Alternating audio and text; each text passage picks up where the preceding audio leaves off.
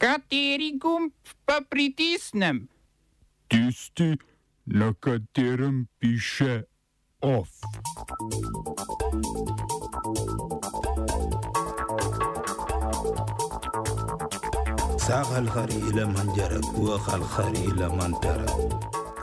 Kitajsko-ameriški dogovor o boju proti klimatskim spremembam.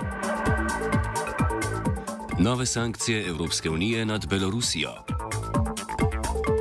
Rok Svetlič izvoljen za ustavnega sodnika. Vodstvo Geni ima pričo, da jih SDS želijo zamenjati. To je Tone Krkovič.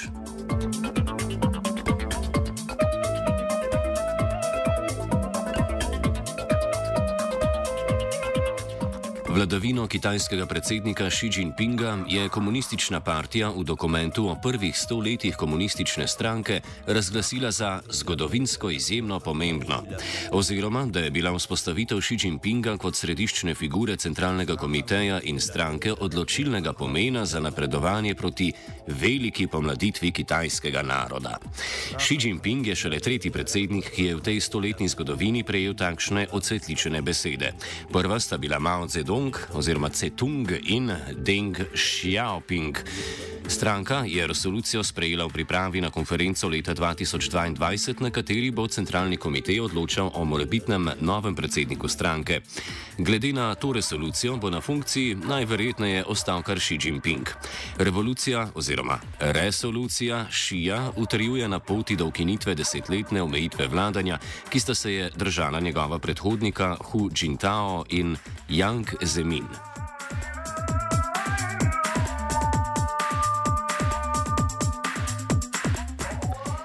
Kitajska in Združene države Amerike so po desetmesečnih pogajanjih sklenile dogovor o skupnem boju proti klimatskim spremembam.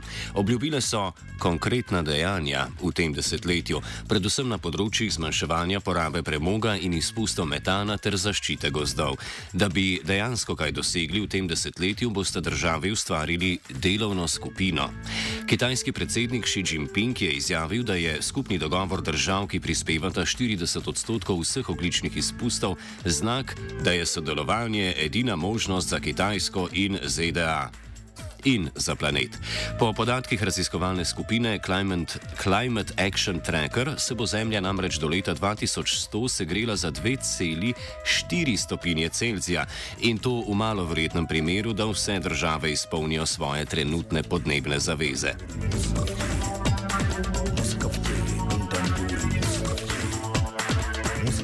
Torej, veliko besed, nič konkretnega, vse po starem. Pa nadaljujmo z enakim. Ameriški predsednik je volitve v južnoameriški državi razglasil za nelegitimne. Uh, Joe Biden je namreč predsedniške volitve v Nikaragvi, na katerih si je to nedeljo predsednik Daniel Ortega zagotovil četrti mandat, označil za pantomimske volitve. Podpisal je tudi zakon, ki vsebuje nove sankcije proti vladi novo potrjenega predsednika, namenjene oviranju vladne korupcije in izposoje denarja. Zakon namreč razširja pristojnosti nadzora ZDA nad mednarodnim posojanjem Nikaragvi. Zakon sta sicer obe predstavniški hiši sprejeli že avgusta in oktobra letos. Ortega je ameriško potezo označil za znak imperializma in spodkopavanje nikaragovskega volilnega procesa.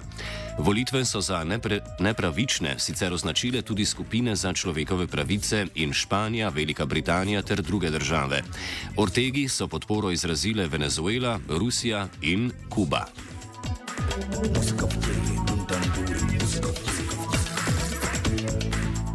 Predsednica Evropske komisije Ursula von der Leyen je napovedala nove sankcije Evropske unije, unije proti Belorusiji, tokrat ne le proti posameznikom, ampak tudi organizacijam. Izjavila je, da so možne sankcije tudi za letalske družbe, ki tihotapijo begunce v Belorusijo. Te pa na to po obtožbah Evropske unije beloruska vlada načrtno pošilja proti polskim in balskim državam. V odziv na napovedane nove sankcije je beloruski predsednik Aleksandr Lukašenko zagrozil s prekinitvijo dostave plina, ki iz Rusije preko njegove države teče v Evropo.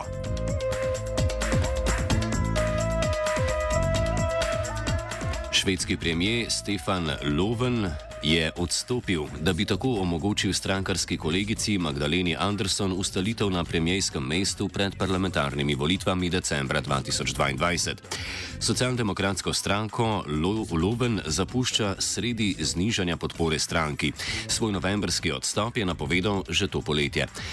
Anderson, dosedanja finančna ministrica, je bila sprva prejšnji teden izvoljena kot Lojfove Lo, Lovenova naslednica za vrhu socialdemokratske stranke. Potrditi jo mora še parlament, v katerem sta ji dve stranki že napovedali podporo. Oba, če, bom odgovoril na angliški. Slovenija will try to help. Uh, we can. Slovenija will. Uh, and we will. Do our utmost. To say that the situation is. Our problem ourselves. And uh, we will. Uh, make further steps as soon as the conditions are. Bomo vlado Marjana Cerer, Marjana Cerer Šarca podprli. Uh, very, very serious. News from Slovenia. We know how and we will. Po večkratnih poskusih izvolitve ustavnega sodnika je novi, že četrti predlagani kandidat prestal glasovanje. Ustavni sodnik je s 46 glasovi postal Rok Svetlič, predstojnik pravnega inštituta pri znanstveno-raziskovalnem središču Koper. Glasovanje je sicer tajno, a znano je, da Svetliča niso podprli poslanci v Levici, Sabu, LMŠ-ju in SD-ju ter nepovezani poslanci, saj niso prevzeli svojih glasovnic. Svetiču so nasprotovali predvsem zaradi izjave, da mora država za zaščito svoje simbolne vloge gospodarja v skrajnem primeru tudi streljati na migrante pri nezakonitem prehodu državne meje. Svetličevi kolegi, naprimer nekdani ustavni sodnik Matej Škrivic, pa so kritizirali njegovo neizkušenost, saj je do sedaj raziskoval filozofijo prava, ni pa deloval kot sodnik, odvetnik ali raziskovalec na področju prava.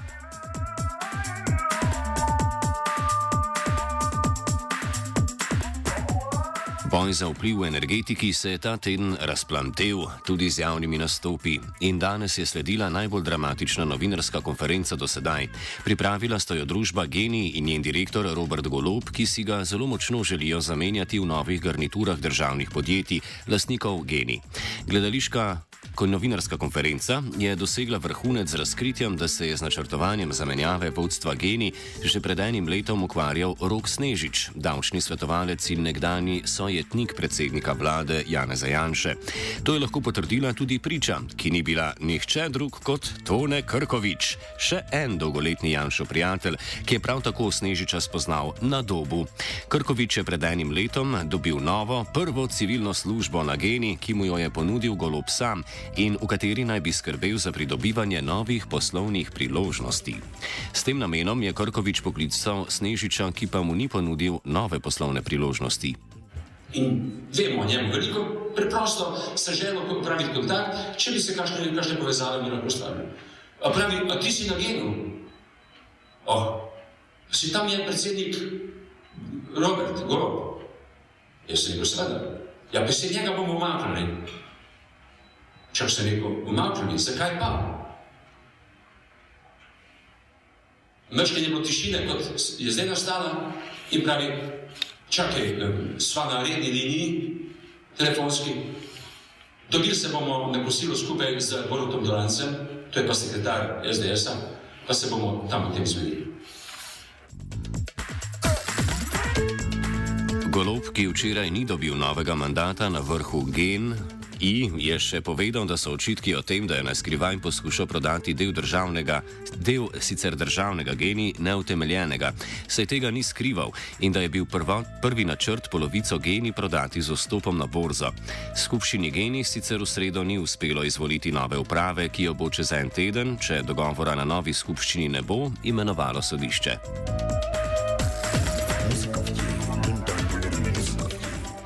Off je spisala Geja.